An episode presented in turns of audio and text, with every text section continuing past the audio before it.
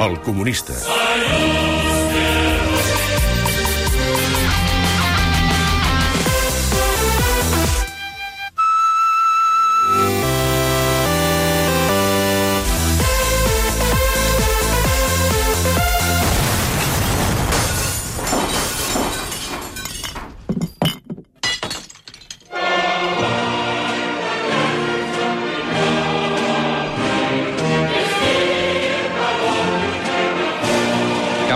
Joel Díaz, com va la vida?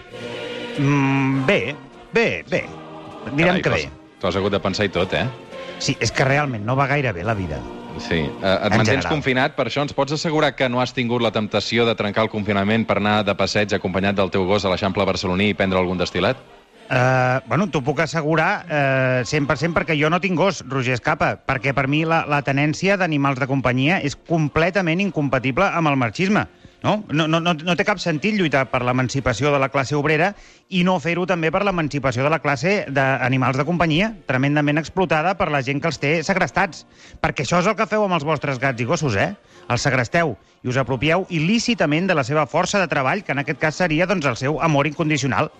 Doncs Els així que, m'agrada. els que teniu amb animals de companyia us esteu apropiant il·lícitament del seu amor i a mi, personalment, em faria vergonya. Joel, dissabte passat, abans de començar a atendre les consultes dels nostres oients, eh, et vaig preguntar quin corrent del comunisme segueixes tu. Mhm. Em sembla recordar que ens vas parlar del socialisme utòpic, oi? Correcte.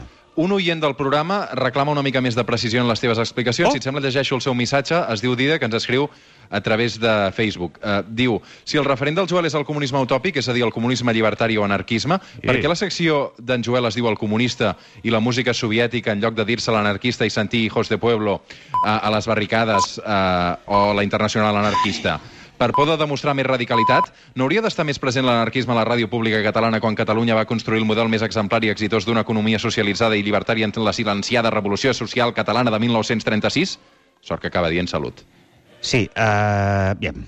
Uh, benvolgut, Didac. Uh, encara has de menjar moltes sopes, tu, per venir aquí a tocar-me la pera uh, amb el tema ideològic. El teu comentari no té cap sentit. Deus anar, deus anar drogat, com tots els anarquistes, uh, i per això comets l'error de confondre el socialisme utòpic amb l'anarquisme. No t'equivoquis, Didac. Al contrari que l'anarquisme, i per molt utòpic que sigui el meu socialisme, sempre, sempre, sempre estarà basat en, en col·locar els interessos col·lectius per sobre de la llibertat individual que, dit sigui de pas, sempre que l'heu gaudit, vosaltres, els anarquistes, l'heu utilitzat històricament per fer el burro. Aleshores, jo crec que, que, jo crec que en, el, en el socialisme, Didac, i això implica necessàriament creure també fermament en l'ordre, l'organització i la planificació. Queda fet l'aclariment, per tant, eh, Dida, que esperem que quedis satisfet, eh, si més no amb la resposta. Sí. Entrem en matèria. Primera consulta.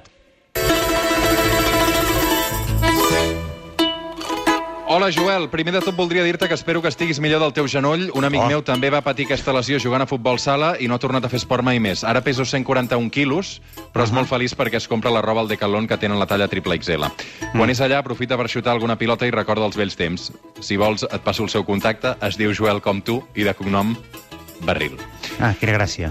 Suposo que dimecres passat, el dia 22, no se't va passar per alt la commemoració del 150 aniversari del naixement de Vladimir Home. Ulyanov, més conegut com a Lenin. Em sorgeixen alguns dubtes. Primer, d'on creus que ve el sobrenom de Lenin tenint en compte que l'home es deia Vladimir? No seria més lògic dir-se Vladi? Hmm. Aviam, eh, en primer lloc confirmar que no, no, no se'm va passar per alt celebrar l'aniversari del naixement de Lenin dimecres passat i ho vaig fer doncs, com cada any, eh, sacrificant un, un capitalista i presentant-li a, a, la- a, la, a, a Lenin com a, com a ofrena. Per motius obvis no va ser fàcil, perquè ara els capitalistes que ve de gust eh, sacrificar estan tots tancats a les seves mansions i em vaig haver de conformar amb un veí meu d'aquests que juga a ser broker per internet i diu eh, coses com que, com que en crisis com aquesta eh, que estem vivint la borsa està plena d'oportunitats. Un cop el vaig tenir sacrificat, eh, vaig cantar, òbviament, la cançó de Lenin, que és aquella que diu Lenin go, eh, Lenin go. Eh, respecte al, respecte a l'origen del, del sobrenom de Lenin eh, és desconegut, hi ha diverses hipòtesis, però jo, jo prefereixo creure en la llegenda. El Joel Barril també pregunta d'on ve l'expressió fer-se un Vladimir. No creus Ah. que fer un Vladimir té més a veure amb l'individualisme liberal que amb el marxisme? Aviam, Saps què vol aviam. dir, no?, fer-se un Vladimir. Sí, sí, dir, sí. Vladimir i a dormir. No, no, no sé si és veritat o llegenda, però diuen que l'expressió fer-se un Vladimir, que normalment va acompanyada d'una paja i a dormir, ve directament d'un episodi de la vida de Lenin, Roger, perquè Ah, sí? diuen, diuen que quan estudiava a la Facultat de Dret de Kazan, la capital del Tatarstan, en una d'aquelles llargues nits d'estudi a la biblioteca, li va preguntar a una vella dama si volia seguir llegint el Capital a casa seva, que tenia una edició amb dibuixets. La vella dama, molt posada en el materialisme dialèctic, es va adonar ràpidament que les intencions de Lenin no eren honestes i li va contestar això, Vladimir, una paja i a dormir. Carai. Des del comunisme hem d'interpretar aquesta expressió com una burla o com un homenatge? Pregunta.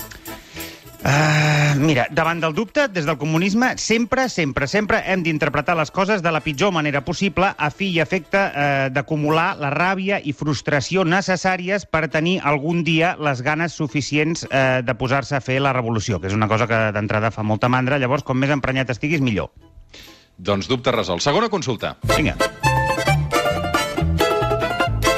Bon dia, Joel. Soc en Bon dia. Víctor Sauler Portal. Felicitats pel programa de tota la programació de Catalunya Ràdio. Només escolto aquest espai i el programa d'en Quico Pi de la Serra. Bon comunista, ell. També vaig escoltar una vegada el Revolució 4.0, però no anava del que em pensava que aniria. Bon noi. Després d'aquesta prèvia ens planteja el seu dubte. Diu, un amic m'ha convidat al seu casament, que està previst pel dia 25 de juliol, Uf. amb una mica de sort es cancel·larà, però si per desgràcia s'arriba a celebrar em veig obligat a anar-hi. Ell és molt d'esquerres, quan teníem 15 anys ens, va, es va, ens van fer del col·lectiu de joves comunistes, després ell va estudiar Ciències Polítiques, va formar part del primer Consell Ciutadà de Podemos i ara, de fet, n'és militant. Les meves preguntes són, uh -huh. hi ha algun precepte de qualsevol de les branques del comunisme pel qual pugui justificar no anar al casament pel civil? Camarada Víctor, tinc una bona notícia per tu. El, el teu amic, si dius que abans era comunista i ara s'ha fet de Podemos, és el que es coneix com un reformista, o el que, el que ve ser el mateix, un traïdor. Eh, com, la, com la resta d'autoanomenats fills del 15M, el teu eh, amic ha anat abandonant els ideals revolucionaris per abraçar la socialdemocràcia i amb ella la hipocresia que representa dir que ets antisistema amb la mateixa boqueta que xumes de la mamella del sistema. I, per tant, amic Víctor, per no anar al, al, al casament del, del teu amic, no necessites més excusa que la teva pròpia dignitat. Si en qualsevol cas, diu el Víctor, eh, he d'anar a aquest casament, quants diners he de portar al compte de la caixa que ens ha facilitat a través de la invitació? Uf, el típic problema, eh? Aviam, diuen que el convidat ha de pagar com a mínim el cobert, no? Sí. Així Sí, que si finalment el Víctor decideix anar-hi, jo li recomano que faci el vell, tru, el vell truc de, de juntar-se amb uns quants amics i fer una col·lecta Mm. Col·lectiva que tingui com a resultat una suma que faci patxoca i així la teva minsa aportació personal, Víctor, quedarà degudament diluïda en la imponent aportació col·lectiva. És el que ben, faig jo. ben pensat i gran consell. Gràcies. Ter tercera consulta. Dia, Joel. Em dic Plàcid, de Santa Margarida dels Monjos. M'agradaria tocar la gralla. No, m'agrada tocar la gralla. O sigui, Vaja. ja ho fa. Hagués pogut malament. arribar a ser un molt bon graller, però van tancar l'acadèmia de gralla on anava a fer classes quan un pare va advertir que el professor cada setmana ens feia fotos per l'àlbum de final de curs, però Ai. mai hi havia àlbum de final Mai de havia- curs. ja. Una llàstima. Devia ser culpa de la impremta. Diu el Plàcid. En fi, Plàcid, espero que Punyetero, estiguis el bé. Plàcid. El meu dubte és el següent. Marx va dir que la religió era l'opi del poble anys més tard. Mhm. El mateix opi va desplaçar la religió per actuar com a opi del poble. Recentment hem dit que el futbol és l'opi del poble. Ara que no hi ha ni futbol, ni misses, ni opi, perquè els Mossos vigilen que els repartidors no portin drogues, quin és l'opi del poble? Uh, és una molt bona pregunta, camarada Plàcid. Uh, sense futbol, sense massa religió i sense drogues, jo, observant així una mica el panorama a grosso modo, crec que el nou opi del poble és el, el llevat per fer pastissos, la maicena. O la sotana. Segons com la sotana, també, eh? La, no, és la maicena. La Ah. maicena o la royal.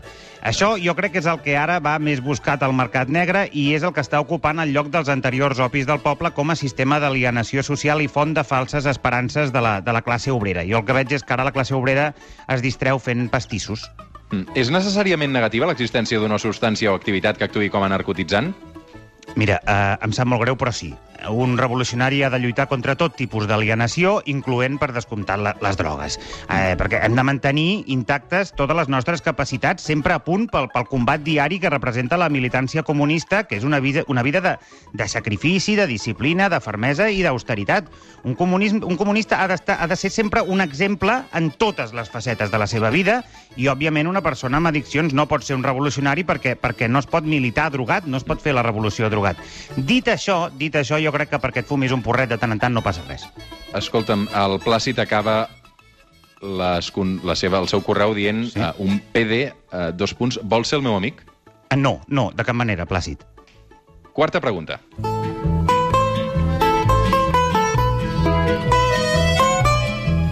Penélope Creus, de Margalef, al Priorat, ens diu Bon dia, Joel. Em sembles un bailet molt eixerit i senot. Sempre li dic a la meva filla, que té 41 anys i que encara la tinc a casa, que es busqui un marit com tu. Es diu Rosó, però s'escriu normal, no com aquell del Barça. A més, No. També és coixa com tu. Però, però per què? Per què? Per què que aquesta, que aquesta, aquesta mofa i aquesta befa constant amb, amb la meva psicomotricitat? Dit això, tinc una neta de 18 anys d'una altra filla, la Mercè, que acaba de descobrir Ah. la cançó de Bella Ciao gràcies a aquesta sèrie espanyola que fan pel canal Matrix, diu. Ah, Matrix, eh? com a exmilitant del suc que soc, li he intentat explicar 300 vegades que la cançó no és de la sèrie, sinó que és una cançó popular italiana convertida en un himne antifeixista durant la Segona. Guerra Mundial. Per desgràcia, crec que no entén res del que li explico. No, per això la meva pregunta és, en un duel de bufetades entre Joan Manuel Serrat i Lluís Llach, Eh? qui creus que guanyaria? Oh, quin gir de guió. Mm, aviam. Uh, camarada Penèlope. Uh, en un duel a bufetades entre Llach i Serrat, crec que el que passaria és que moririen tots dos i, en conseqüència, qui guanyaria seria la humanitat. D'altra banda, respecte al que comentes de la teva neta, tingues una mica de sensibilitat. Uh, Penèlope, uh, la noia té 18 anys i tenint en compte la imminència òbvia de l'apocalipsi total, jo la deixaria en pau, que canti el que vulgui i que gaudeixi tant com pugui del que li queda de vida, si és que se li pot anomenar vida, amiga Penèlope, a aquest present que vivim i al futur que ens espera. Doncs eh, queda aclarit. És cinquena dur, i és dur, però és així. És, és la realitat. És la, a vegades, vull dir, a vegades és un xoc de realitat, també, aquest espai, eh? Sí, sí, però aquí què fem? Empoderem a la gent o no, Roger? I tant, i tant. Doncs això és el que estem fent, tu. Cinquena pregunta i última. Alexandra, de Badalona, que ens diu Com està, Joel? M'interessa profundament la teva opinió sobre Corea del Nord, oficialment coneguda com a República Popular Democràtica de Corea. Aproves la seva intervenció singular del marxisme-leninisme? Mm, deixa'm matisar-te, benvol benvolguda Alexandra. Eh, com bé sabràs, des de fa un segle els amics de Corea del Nord estan anant una mica per lliure pel que fa a la- a l'aplicació dels, dels postulats del marxisme-leninisme i, de fet, de fet, oficialment, des de 1972 la ideologia oficial del règim ja no és el marxisme-leninisme, sinó el Chuche, el Chuche, una, una, doctrina, una doctrina ideada per Kim Il, Kim Il-sung, em costen molt els líders coreans, i perfeccionada pel seu fill, el Kim Jong-il, que, al contrari que el seu simpàtic nom, eh, Chuche, podria indicar, és un poti-poti ideològic horrible que bàsicament agafa el pitjor de l'estalinisme, el pitjor del maoisme, el pitjor inclús del nacionalsocialisme, ho barreja ben barrejat i dona com a resultat una dictadura semiteocràtica sota la qual és eh, meridianament impossible ser feliç. Diu l'Alexandra, m'agradaria també que em comentessis dues qüestions en concret. Els serveis secrets dels Estats Units asseguren que el líder de Corea del Nord, Kim Jong-un, podria trobar-se en un estat de salut greu després d'una intervenció quirúrgica. Què en penses? Creus que podria, diu l'Alexandra, tenir alguna cosa a veure amb la creença generalitzada? Perdona, Roger? Ai, per favor, Alexandra, ara m'has fet riure. Creus que podria tenir alguna cosa a veure amb la creença generalitzada que el líder suprem de Corea del Nord no té forat del cul, diu l'Alexandra? No, no, no, no, no. aviam. Eh, per una banda, si es rumoreja que potser s'està morint Kim Jong-un, jo el que penso d'això és que tant de bo mori entre forts dolors abdominals. Respecte a aquesta creença que ella comenta, no, això és una llegenda. És evident que Kim Jong-un té forat al cul perquè, si no, no podria cagar-se permanentment i ininterrompuda en els drets humans més bàsics dels seus compatriotes. Clàssic. Uh, Ah, quina, opinió, quina opinió et mereix el català Alejandro Cao de Banós, delegat especial del Comitè de Relacions Culturals a l'exterior? En fi, uh, sí, aquest senyor. Uh, penso que si fos sa mare aniria a Corea del Nord, li fotria dues bufetades de mare i el duria agafat de l'orella des de Corea fins a casa, on li faria viure en primera persona l'opressió dictatorial fins que s'adonés del ridícul que està fent. Això és el que faria jo amb Cao de Benós. Fins aquí les consultes resoltes que aquesta setmana ens heu fet eh, enviar alguns eh, col·laboradors oients del, del suplement en aquest cas, perquè resolgui el nostre comunista, el Joel Díaz. Ara, Albert Cots, música de misteri. Ai, En aquest espai tenim un convidat misteriós que ha abraçat o no els postulats comunistes. Hem saludat Joan Gaspar, hem saludat Joan Clos, Joan Coscubiela, Miquel Montoro, fins i tot. Avui, a l'altra banda del telèfon, una persona que ja t'està escoltant i que Joel Díaz ha d'endevinar qui és aquesta persona que ens escolta. Només pot respondre preguntes de sí i no. Per tant, Joel, tot teu. ets un home? Sembla que... Sembla que... Hem, hem, perdut la, hem, hem, perdut la, hem perdut la connexió. hem perdut la connexió, però de seguida ho intentarem recuperar, eh? No pateixi, Joel, eh, perquè Sí. eh, intentarem recuperar aquesta... M'han agradat molt les preguntes avui, t'he de dir. Sí? Sí, Per què? sí, sí. Alguna Home, perquè que- trobo, que, trobo que... Jo al principi tenia la sensació que te les inventaves tu, Roger, No! Per donar I una ara? mica d'empaque en aquesta No, home, secció, no. i ara, en canvi, em la sensació que sí, que ja són preguntes reals de gent que, que, es, pre que es preocupa per coses concretes. Em diuen que eh, el personatge misteriós ja el tenim a l'altra banda del telèfon, per tant, endavant, Joel. No el tenim, eh, encara? No. No el tenim. No el tenim. No. Uh, esperem que se li hagi penjat, que no sigui que t'hagi escoltat i que ara Em no vulgui. Eh? Em, em podries donar alguna pista tu per començar? Um, um, crec... Uh, espera, espera un moment, que m'estan... No passa res, eh, Roger, això és normal amb la, amb la ràdio que està de confinament, eh? Per què? Home, però hi ha problemes tècnics constants. Sí? Tu creus? Sí, sí, sí. Uh, mira, no ha agradat uh, el teu comentari sobre l'anarquisme. Eh? Vergonya del comentari sobre l'anarquisme uh, i sobre les actituds uh, feixistes es pot opinar contràriament sense insultar. Soc d'ideologia anarquista, soc sanitària i probablement... Uh, Soc sanitari. Ah, ja Bec la menys, que del aquest impres... Bec menys que aquest impresentable. Uh, quina resposta més desagradable i buida cap al tal Didac, uh, ens comenta... Oh, Didac, eh, si no vols pols, no vagis a l'era, company. Doncs uh, no contesta, eh, Joel? Aquest personatge misteriós crec que avui el que ha fet és esborrar-se, bàsicament, de- d'aquesta participació. S'ha s'ha acollonido, que deia el màgic Andreu? La tenim, uh, la tenim. Ja t'aviso que és una dona, d'acord, Joel? Ah, perfecte. Doncs uh, ara sí que ens està escoltant. Endavant. Estàs aquí? Digues sí o no. Estàs aquí? Sí, Val. Uh, tens entre 40 i 60 anys? no, Tens més de 60 anys? sí, Vale. Um, ets o has estat alguna vegada a la teva vida comunista? no, Vius a Barcelona? sí, Treballes a Barcelona? no, Treballes? no, Estàs jubilada? sí, Et coneixen pel carrer? La gent et veu i diu, ei, la tal. sí, Et dediques al, al, al, o et dedicaves al món de la cultura, en general, així? no, Et dedicaves al món de la política? sí, Et consideres una persona d'esquerres? no, Has estat mai diputada al Parlament de Catalunya? sí, Has estat mai consellera? sí, Molt bé. Eh, Molt bé, vas molt bé, Joel, vas molt bé, eh? Joel, Eh, vas Et pots bé. creure que he oblidat la resposta a et consideres una persona d'esquerres? M'has dit que no.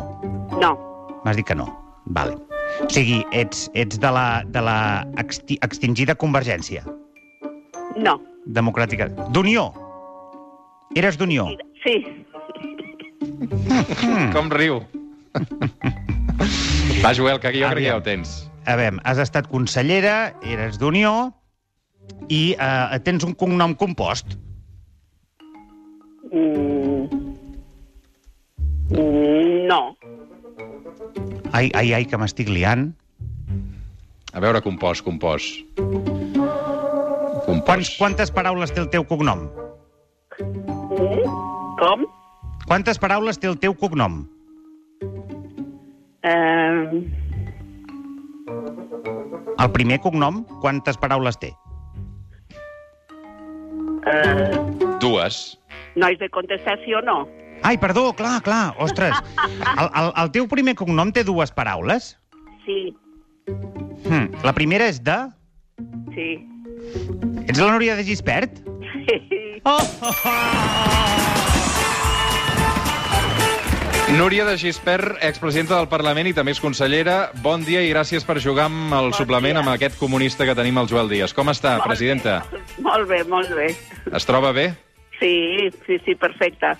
Uh, on està passant el confinament? confinada, confinada, però bé, doncs mira, ho estic passant eh, en la Palma de Cervelló, Mm. Ah, perquè Molt és on, des de que em vaig jubilar, és a on vivim mitja setmana aquí, mitja setmana a Barcelona. mm, això no sé si és molt... Això no sé si Això és de és... segona residència, eh? Eh... Era, era, era. Era. Ara no. Era, era, era, era. Uh, Escolta, us, us coneixíeu, Joel, amb, no, amb, amb no, la presidenta? no, no, no tenia el plaer, jo. No. Jo tampoc. Vostè tampoc. No. Sí. Um, No sé, si tens alguna pregunta, Joel... Uh, clar, vull dir, Home. a veure, uh, uh, és tota una institució, eh, avui. En tinc... Home, té, cre... té creu de Sant Jordi, vostè, eh, que sí? No, que, me la, que me la va, no me la van donar al final. Com que no? No, se'n recorda d'aquell tuit. És veritat, per culpa del tuit, que li van atorgar la Creu de Sant Jordi i després crec que hi va haver una polèmica amb Inés Arrimadas, no? Ai, sí, sí, sí. Oi, I- les rimades, eh? Ai, menos mal que està fora ja. Bueno, ara tenim la, la Lorena Roldán, que... Déu-n'hi-do, sembla, semblen clònics.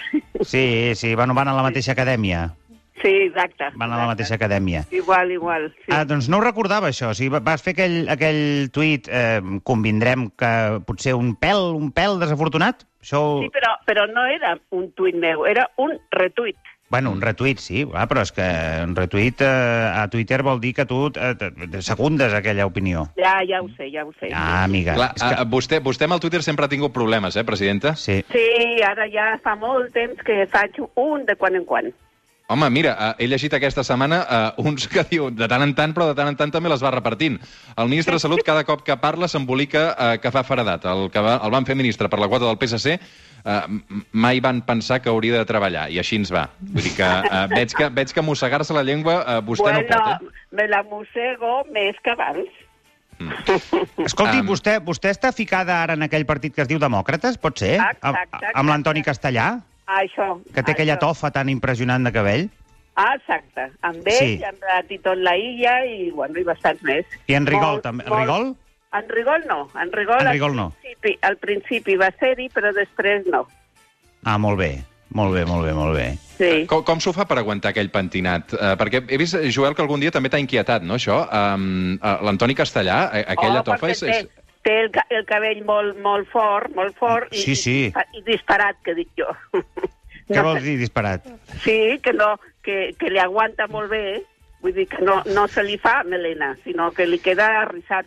És Ja que no puja- sigui puja perquè no cap se'l amunt. no se'l no se'l renta gaire. Escolta'm, eh, escolti'm... sí, home, em- sí. se- No, era una broma. Sí. Senyora de Gispert, m'acaba de venir... M'acaba de venir... Tracti-la de vostè, eh? Perquè, Sí, clar... és perdoni, que... perdoni. Uh, M'acaba de venir una, una imatge al cap, que és aquella foto de vostè disfressada de fada. Oi, és que Amor, sempre, era- oh. sempre, sempre m'heu de recordar lo pitjor, eh? No, com que el pitjor, però si era preciosa aquella foto. Ai, calla, per favor. No, Miri. era, no era el meu estil, això de posar-me de fada. I em va encatusar una periodista madrilenya que que mai m'oblidaré d'ella. Això li passa per, per fer-se de fer entrevistes a, Ah, al això, país. Eh? totalment d'acord. Una altra vegada s'ho pensa dos vegades abans d'anar al país. Era, era, una, era una entrevista al País, això? Era una entrevista al País? Em sembla que sí, em sembla que sí. Sí, sí, sí. Um, senyora de Gispert, uh, podem fer servir la foto de vostè uh, vestida de fada per il·lustrar uh, aquest àudio o no? Oh, no m'agrada gens, eh? No li agrada. És que per no què li... preguntes, Roger? Aquestes per demanar coses no s'han de permís, preguntar. Per demanar permís. perquè- Vosaltres, vosaltres sou els que porteu el programa i feu el que vulgueu. Ara, Ah, eh, a mi no m'agrada. Val. Però, però, I- i però, si però, però, un moment, un moment, un moment, un moment, és que aquest tema m'inquieta molt. És a dir, no li agrada, però, però vostè va ser qui es va posar el vestit, no? Vull dir que... Ah, amigo. Sí, sí, perquè em van preguntar, jo típic, de, i, i quan eres petita, què t'agradava fer? I jo vaig dir, home, m'agradava ser fada. I la veritat és que tinc encara una pel·lícula d'aquelles de, de cine xino, de no sé què, Ah. que surto, surto amb tots els meus germans i jo vestida de fada, i tenia 8 o 9 anys. Oh, el que donaria no, jo per veure aquesta pel·lícula. I llavors la senyora que ella va dir, ai, pues sería estupendo que ara eh, se pusiera vestida de fada. I mira, em va engatusar. A mi, crec que- jo, deixi'm sí. dir-li que a mi, a mi em sembla fantàstica la fotografia i la gent que la va criticar són gent que, que estan morts per dins, tenen el cor negre i han matat, han matat aquell, aquell nen interior que hem de tenir tots, eh? Sí, bueno, bueno, Sí, pues sí, fes, sí. fes el que vulguis. Vale. Molt bé. Um, clar, uh, per tant, entenc que continua activa uh, en política, eh, Núria de Gispert? Sí, sí, sí, continuo activa, però més en segona línia. Em dedico a, a, amb algunes fundacions que, si puc, ajudo. Mhm. eh, estic a la Caixa de Solidaritat i, i en Demòcrates, pues, tot el que sigui necessari, pues, també els ajudo. Mm. I, i, I vostè es va presentar a, a la, a allò de les primàries, no? Al, al, tinglado aquell que va Ai, sí, organitzar el Grau ah. Mare de Déu, sí, un altre Sí. fracàs d'aquells que, sí. que no saps per què t'hi fiques. Sí, sí. Bueno, pobre Grau Pere, ara li sabrà greu que digui vostè això. Clar, vo- vostè que va passar tants anys al, al, al Parlament eh, mirant el ple, eh, ahir veiem eh, també eh, un munt de gent eh, dirigint-se al faristol en castellà, no? No només ciutadans del Oh. Partit Popular. Jo, jo em quedo, em quedo, però molt, molt, molt, molt asturada, perquè realment jo vaig ser diputada a l'any 2003. Abans, com a consellera, anava al Parlament, però era diferent. I en aquell moment no havia ni un sol diputat que parlés en castellà, ni un. Recordo que l'Alberto Fernández Díaz un cop a l'any parlava en castellà i feia la broma de dir, bueno, és que no ho hem d'oblidar. I ara és tremendo, sí, sí. Oh. Mm -hmm. Déu nhi Escolti, i ara m'ha vingut al cap el, el, el, el Durani Lleida, el senyor Durani Lleida. Què, què està fent aquests dies? Vostè hi té contacte? No, cap ni un. Des del 21 de juny del 2017 no he tornat a tenir contacte amb ell. Oh, van partir peres. No, del 2017, del 2015. Quan van Mare de Déu, això són, això són cinc Quan van- anys ja. Cinc anys, quan van trencar amb Unió. Què deu I el, estar deu, fent el ara? deute d'Unió qui el paga per això? Ah, Ningú, bona pregunta. Com que ningú? Ningú, perquè es van declarar insolvents i allà s'ha quedat. Carai, ah, mira que bé, tu. Jo sí. Vull dir, eh. és una bona solució, no, Joel? Eh, home, oh, tant de bo ho poguéssim sí, fer les... les... Ho fan a nosaltres, això, no? Ja, ja, ja, ja, ja, ja, ja, ja. ja. Quants diners eren, això? Perquè eren uns quants milions d'euros, crec, eh? Uh, molts. Eren, jo crec que uns 21. I com es pot generar un deute de 21 milions d'euros? Amb ah. campanyes ah. electorals? Jo també m'ho pregunto. No, no, no, a veure... fins- Home, vostè ho hauria de saber, eh? Pues no, no ho sabíem, perquè en aquell moment tot allò de la transparència encara no existia en lloc. I llavors els números que es feien a cada any pel pressupost no tenien res a veure amb la realitat i, per tant, no teníem ni idea de que hi hagués un deute tan, tan gran. Ni idea. Està bé, això. A veure si, la- a veure, a veure si, a, això. a veure si, si, si em farà com en Rousseau del Barça i dirà que algú va ficar la mala caixa. Ah, miri, no ho sé. Que, que, Oh. és, que ho esbrinin. Que s'hauria Ja, ja. d'investigar, M'ha agradat, potser. molt això, m'ha agradat molt això que ha dit de que en aquella època això de la transparència no existia. No, és, Sí, és veritat, eh? No, bastant no. honest per part seva. Sí, sí. S'entenen eh, moltes coses així. Sí. Uh, això, del, el, això del confinament, uh, Joel, ens està deixant imatges diferents i és que la gent canvia... Tu, tu el tema perruqueria com tu fas aquests dies, Joel? Oi, Mira, no, no, no, que- respongui- que respongui la Núria. Ah, Ah, ah, no, ah. pensava que m'ho preguntaves. Sí, no, doncs pregunto primer, eh, començo primer amb vostè. Núria de Gispert, el tema perruqueria com el porta? Perquè he vist, per exemple, Artur Mas que s'ha deixat barba aquests dies. Ah, Oh. oh. carai, no l'he vist jo. Pues és Ah. un problema, és un problema. De totes maneres, al final un s'acostuma com fas a l'estiu. Que com que cada dia et banyes i vas a la platja o et banyes a la piscina i no Ah. t'estaràs no t'estaràs eh, secant el cabell amb el secador, amb la calor que fa, pues mira, el deixo suelto. I després, pues les, les canes i tot això, pues miri, en el súper, en el súper compres una cosa d'aquestes i te la Un poses. tinte, un tinte. Ah, això, això. Escolti, i no ha fet allò de tallar-se el serrell vostè mateixa que fan a vegades algunes dones Jo que no. s'avorreixen i després se n'empenedeixen? Jo no, perquè segur que me'l tallaria fatal. Mm. Sí, bueno, bueno però ja s'ha s'ha atrevit a tenir-se a casa, vull dir que déu-n'hi-do, eh? Sí, però, bueno, sí, però és que era pitjor com estava que com, com estic. I, per tant, això era, vamos, necessitat urgent. Escolti, de- i de quin color, de quin color es tenyeix el cabell vostè? Que el, els tintes sempre tenen eh, eh, noms de colors així molt, molt curiosos, en plan Ah, xocolate, sí. belga... Sí, sí, no. Eh. Jo me'n recordo perquè és la primera vegada que ho faig, però és el que és més, més, més claret. Ah, més claret. Sí. Vale. Maco. Tu, Joel, com Sí. ho fas aquests dies? Mira, jo t'he de ser molt honest. Hi va haver un dia que vaig dir, noi, t'has de tallar tu mateix el cabell, vaig agafar la màquina, em vaig voler fer un pentinat així una mica atrevit, així una mica moicano, Mm. i eh, la, la, la, el resultat és que porto tres setmanes amb gorra. Vaig amb gorra. Ah! Vaig amb gorra, sí. sí. De lo malament que m'ha quedat, senyora de Gispert. Vaig amb gorra Imagina't. tot el dia. Mhm. Pues per Ah, això jo no em, no em vaig atrevir penso, bueno, pues ja me'l tallaré quan, quan ens deixin sortir. Sí, home, sí. Uh, senyora de Gispert, per anar tancant, uh, què farem uh, aquest any per la Diada, per l'11 de setembre? Té ganes de manifestació, vostè, o no? A veure, jo tiro a bastant disciplinada. I llavors, d'entrada, em fa una certa angoixa pensar que es pugui fer una manifestació tipus les que hem tingut els darrers 10 anys. Per tant, no ho sé. Alguna cosa hem de fer, però no sé ben bé què és el que podrem fer. Ara, alguna cosa hem de fer.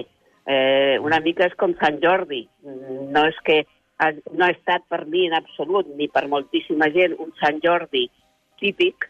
Mhm. Hem fet tots una mica d'esforç i espero que per l'11 de setembre doncs, aquest esforç sigui més, més important i es pugui visualitzar la necessitat de tots, de, de molts, vaja, de molts i molts catalans, d'anar cap a la independència. Ah, Segur que, mire, vostè ha de tenir confiança en la capacitat que té el, el moviment independentisme, de- independentista per, eh, per fer per fer coses... Performance, eh, performance. Sí, per fer performance, saps? Sí, Sí. vull dir que... Segur Sí, que ens sí. inventem alguna cosa, Ah, alguna... no, segur, segur, la- l'assemblea Òmnium, quan fan Sí, algun sí, acte, sí. sempre tenen unes iniciatives i unes, ima- una imaginació que penses Fantàstic. que tu no series capaç. O sigui, confio en que això sigui així. Mm, Jo eh, confio en tot el contrari. Aviam, aviam què passa. Què diu? Que no? Home, jo crec que ja n'hi ha prou, potser, de, de, de, de, fer, de fer el xou, no? I de, de, de colorets i de tonteries. No. Potser, potser ja és no, hora de, de, de deixar de folcloritzar l'independentisme, senyora de Gispert, i anar una mica més cara a barraca. No, però això, No? a veure, un cop a l'any no fa mal. Ah, Veus, Joel? Home, a veure, és que... un cop a l'any ens posem... I és, és celebrar la Diada de Catalunya. Jo amb això no hi estic d'acord. Eh, Sí que estic d'acord que hem de eh, fer alguna cosa més. I que ja saben perfectament arreu del món i a Espanya que quan volem mobilitzar-nos ens mobilitzem i molt. Però ja fa molts anys que ho estem fent i, per tant, el que ara hem de fer és donar un pas endavant i, aquí sí, tenir imaginació, iniciativa i ser capaços de no fer un pas enrere. Ho haurem de deixar aquí. Eh, presidenta Núria de Gispert, moltes gràcies per jugar avui amb el comunista al suplement. Eh, li agraeixo Molt bé. moltíssim. I moltes gràcies al Joel Díaz, perquè eh, mica en mica al final el presentarem tot Catalunya, eh? Sí, estic Joel? coneixent, estic coneixent a molta gent. Bueno, avui Home, ha sigut un plaer conèixer No la et senyora queixaràs, vull dir que t'estem portant aquí una mica de tot. Uh, Sí, notícies i tornem al suplement. Fins les dues. Una abraçada.